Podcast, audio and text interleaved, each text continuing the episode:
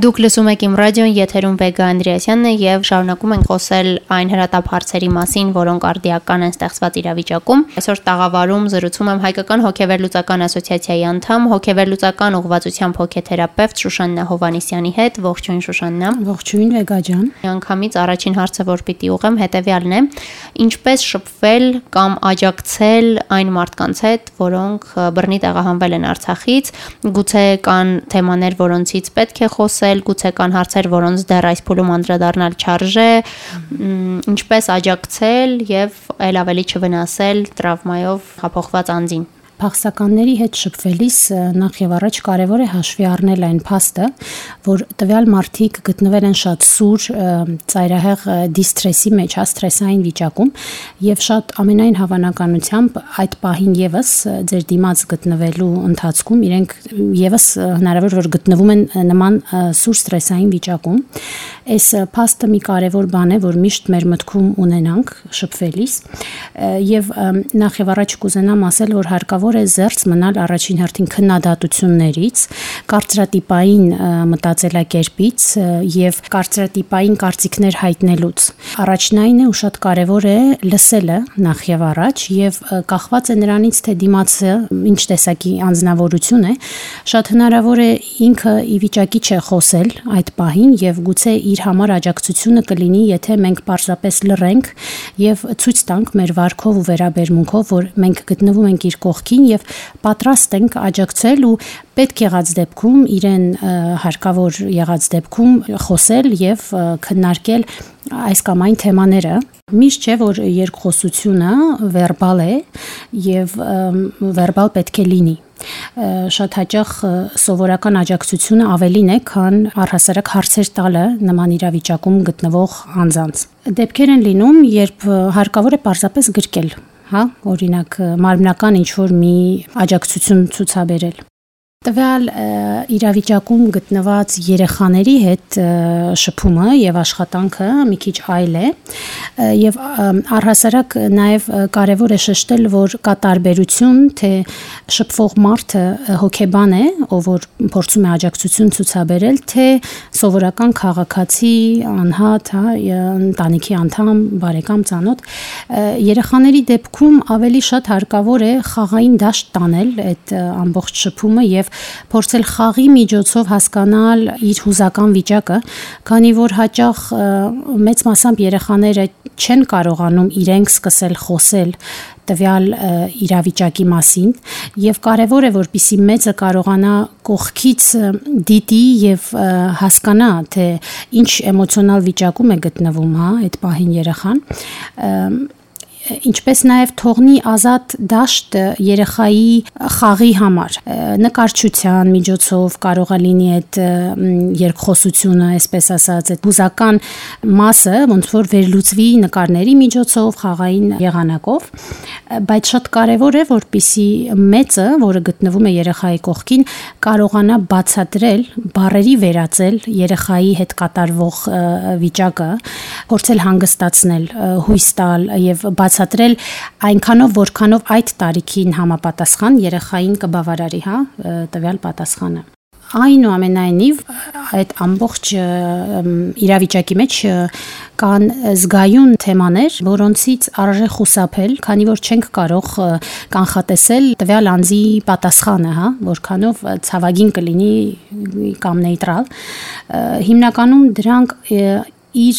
անձի շուրջ տեղի ունեցած տրավմատիկ ապրումներն ու իրադարձություններն են, որոնք տեղի ունեցած են, հա, արդեն եղել են, ինչպես նաև բռնության մասին մանրամասները հարցնելը, որովհետև շատ հնարավոր է դա ակտիվացնի իր մեջ այդ ավելի ստրեսային եւ հուզական ռեակցիա ինչպես նաև ընտանիքի անդամների մասին հարցերը, եթե չենք ճանաչում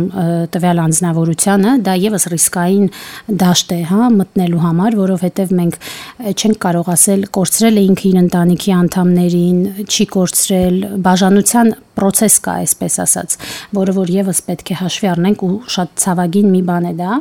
ինչպես նաև քաղաքական հարցերը, կրոնական հարցերը տվյալ ժամանակաշրջանում եւս կարող են լինել շատ զգայուն թեմա Այս պահին բոլորս կամ գրեթե բոլորս վախեցած ենք։ Վախենում ենք ինչ կլինի հետո, բնականաբար վախենում ենք այն ամենից ինչ տեղի ունենում, այսինքն ունենք ոչ միայն սուկ եւ կորստի զգացողություն, այլ նաեւ վախ,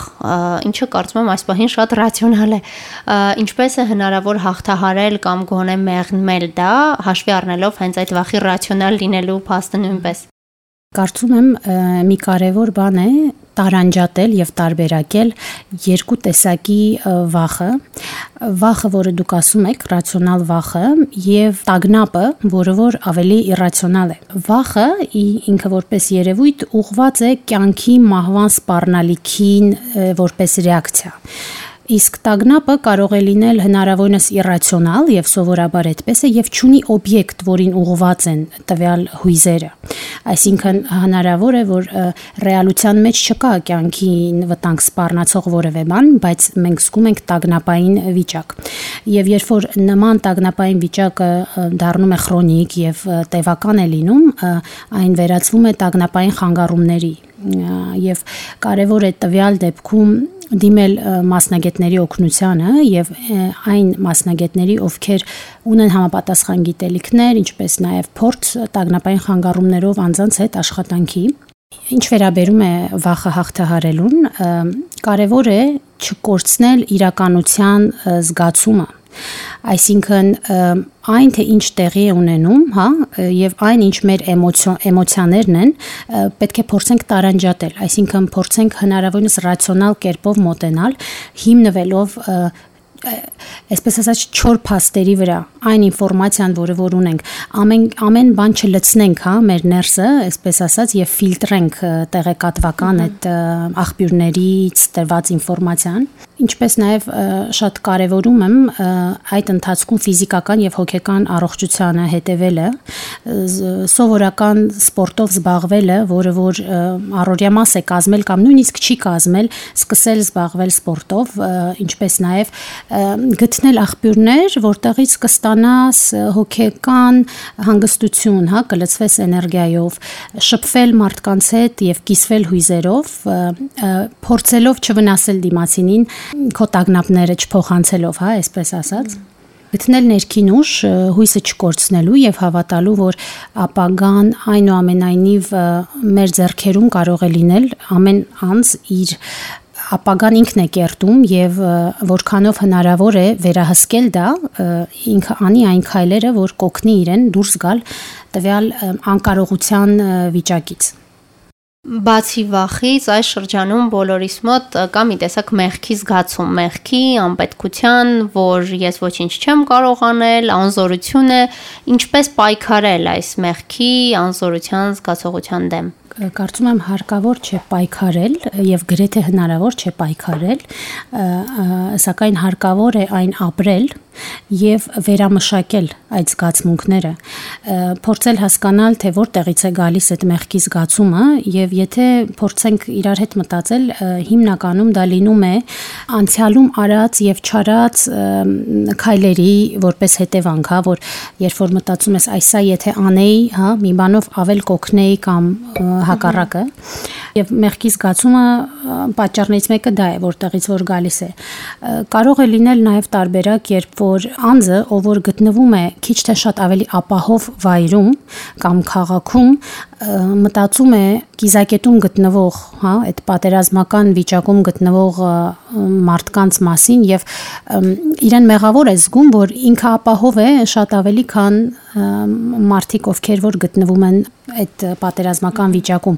եւ կարծես թե ինքը իրեն է մեղադրում, որ ինքը ավելի լավ է զգում իրեն, հա, այդ պահին, ավելի ապահով է քան կողքինը, բայց կարեւոր է որ հաշվի առնենք, որ բաներ կան, որ մեզանից չեն կախված, հա, թե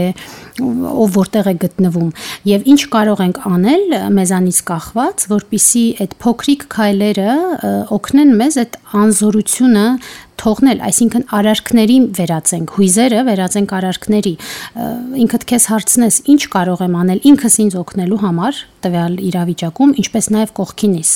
ով որ դրա կարիքը ունի։ Ինչպես չկորցնել աշխատունակությունն ու իրականության զգացումը, որովհետև այս օրերին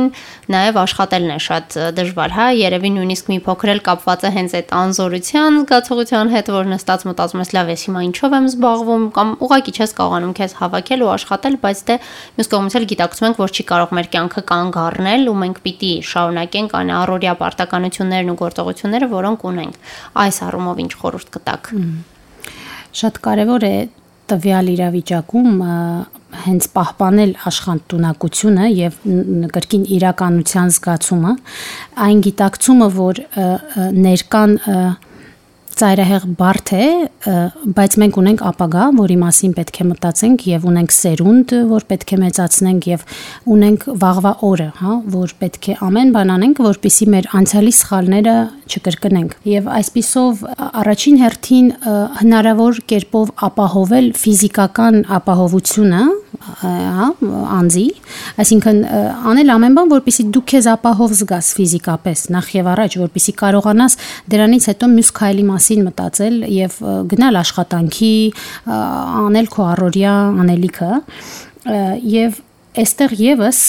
կարեւոր է չմեկուսանալը, չիզոլացվելը, հա, հասարակությունից, ընկերներից, բարեկամներից։ Կարևոր է որ այդ տեղը վայրը ունենաս, որտեղ կարողանաս փոխադարձ աջակցություն ստանալ առհասարակ հետևել հոգեկան, հուզական եւ ֆիզիկական առողջությանը, երբևէ չար համարել սեփական վիճակը եւ անել մեդիտացիա, յոգա, յուրաքանչյուր մարդ ունի որևէ բան, որն իրեն հանգստացնում է եւ օգնում է կտրվել այդ ստրես, ստրեսային վիճակից եւ ստանալ էներգիա ինչպես նաև չկորցնել հույսը ապագայի հանդեպ, այդ մասին խոսեցինք արդեն, բայց դա եւս կարեւոր է, որովհետեւ երբ որ դու գնում ես աշխատանքի, դու մտածում ես նաև ապագայի մասին եւ թե ինչ նպատակներ ունես, որ իրականացնում ես աշխատանքիդ միջոցով ինչպես նաև պլանավորել ապագան, այսինքն փոքր-փոքր քայլերով, որքանով որ հոգեպես դա քեզ համար այս պահին հնարավոր է։ Ինքնախնամքը, որը որ պակաս կարևոր չէ, սովորական ամենամանր բաները առօրյա որոնք մտնում են խնամքի մեջ եւ քեզ ողջ զգալու մեջ ստիպում են քեզ ողջ զգալ նույն շպարվելը չգիտեմ երաշտություն լսելը որը որ քեզ հաճելի է եւ այլն տվյալ տեսակի առօրյա ընթացակարգը այլ կերպ ասած ռուտինան ռեժիմը շատ կարևոր է որպիսի փախստականները եւս պահեն եւ մենք կարողանանք աջակցել իրենց այդ հարցում, որովհետեւ դա խոսում է այն մասին, որ իրենք ողջ են եւ ունեն ապագա, ունեն առօրյա, ունեն այդ պահին ներկա տարական ամենա պրիմիտ տիվ օրինակը, երբ կինը օրինակ խոհանոցում պատրաստում է ընթրիքը, հա, չնայած իր ստրեսային վիճակին, դա հիշեցնում է իրեն այն մասին, որ ինքը ապրում է, այս պահին կա եւ ապագայի հետ կապված կարևոր մի կետ է դա եւս։ Ինչպես նաեւ իրազեկված լինելը, ինչպես միշտ դա ոնց որ այսպես ասած ամենաուժեղ զենքերից մեկն է, հա, երբ որ իրազեկված ես, ինֆորմացված ես, ուրեմն պաշտպանված ես։ Եվ պետք եղած դեպքում դիմել մասնագետի, եթե զգում ես, որ այդ ամբողջը միևնույնն է չես կարողանում միայնակ հաղթահարել, որովհետև շատ դեպքեր են լինում, երբ որ մարդը կարծում է, թե հաղթահարեց իր ստրեսային վիճակը, բայց հետագայում դա բերում է այլ խնդիրների եւ ժամանակին դա հասկանալը, գիտակցելը, հաշվի առնելը եւ դիմել օգնության, թույլ տալ քեզ, որ դիմես օգնության եւ այստեղ էլ այդ անզորության զգացողության հարց չի, որ երբ որ դիմում ես երևի թե կարևոր մի փոխանակում է լինում այդ դեպքում, հա, օգնության ու հասկացված լինելու Շատ շնորհակալ եմ եւս մեկ անգամ Շուշաննա խորհուրդների համար, որոնք վստահ եմ այս շրջանում բոլորիս են պետք, հատկապես Արցախից տեղահանված մեր հայրենակիցներին եւ այն մարդկանց, որոնք անմիջական առնչություն ունեն։ Սիրով հիշեցնում եմ, որ իմ հյուրն էր Հայկական հոգեվերլուծական ասոցիացիայի անդամ, հոգեվերլուծական ուղղվածությամբ հոգեթերապևտ Շուշաննա Հովանեսյանը, եթերում ձեզ հետ Վեգա Անդրեասյանն է, շարունակեք հետևել իմ ռադիոին, կհանդիպենք։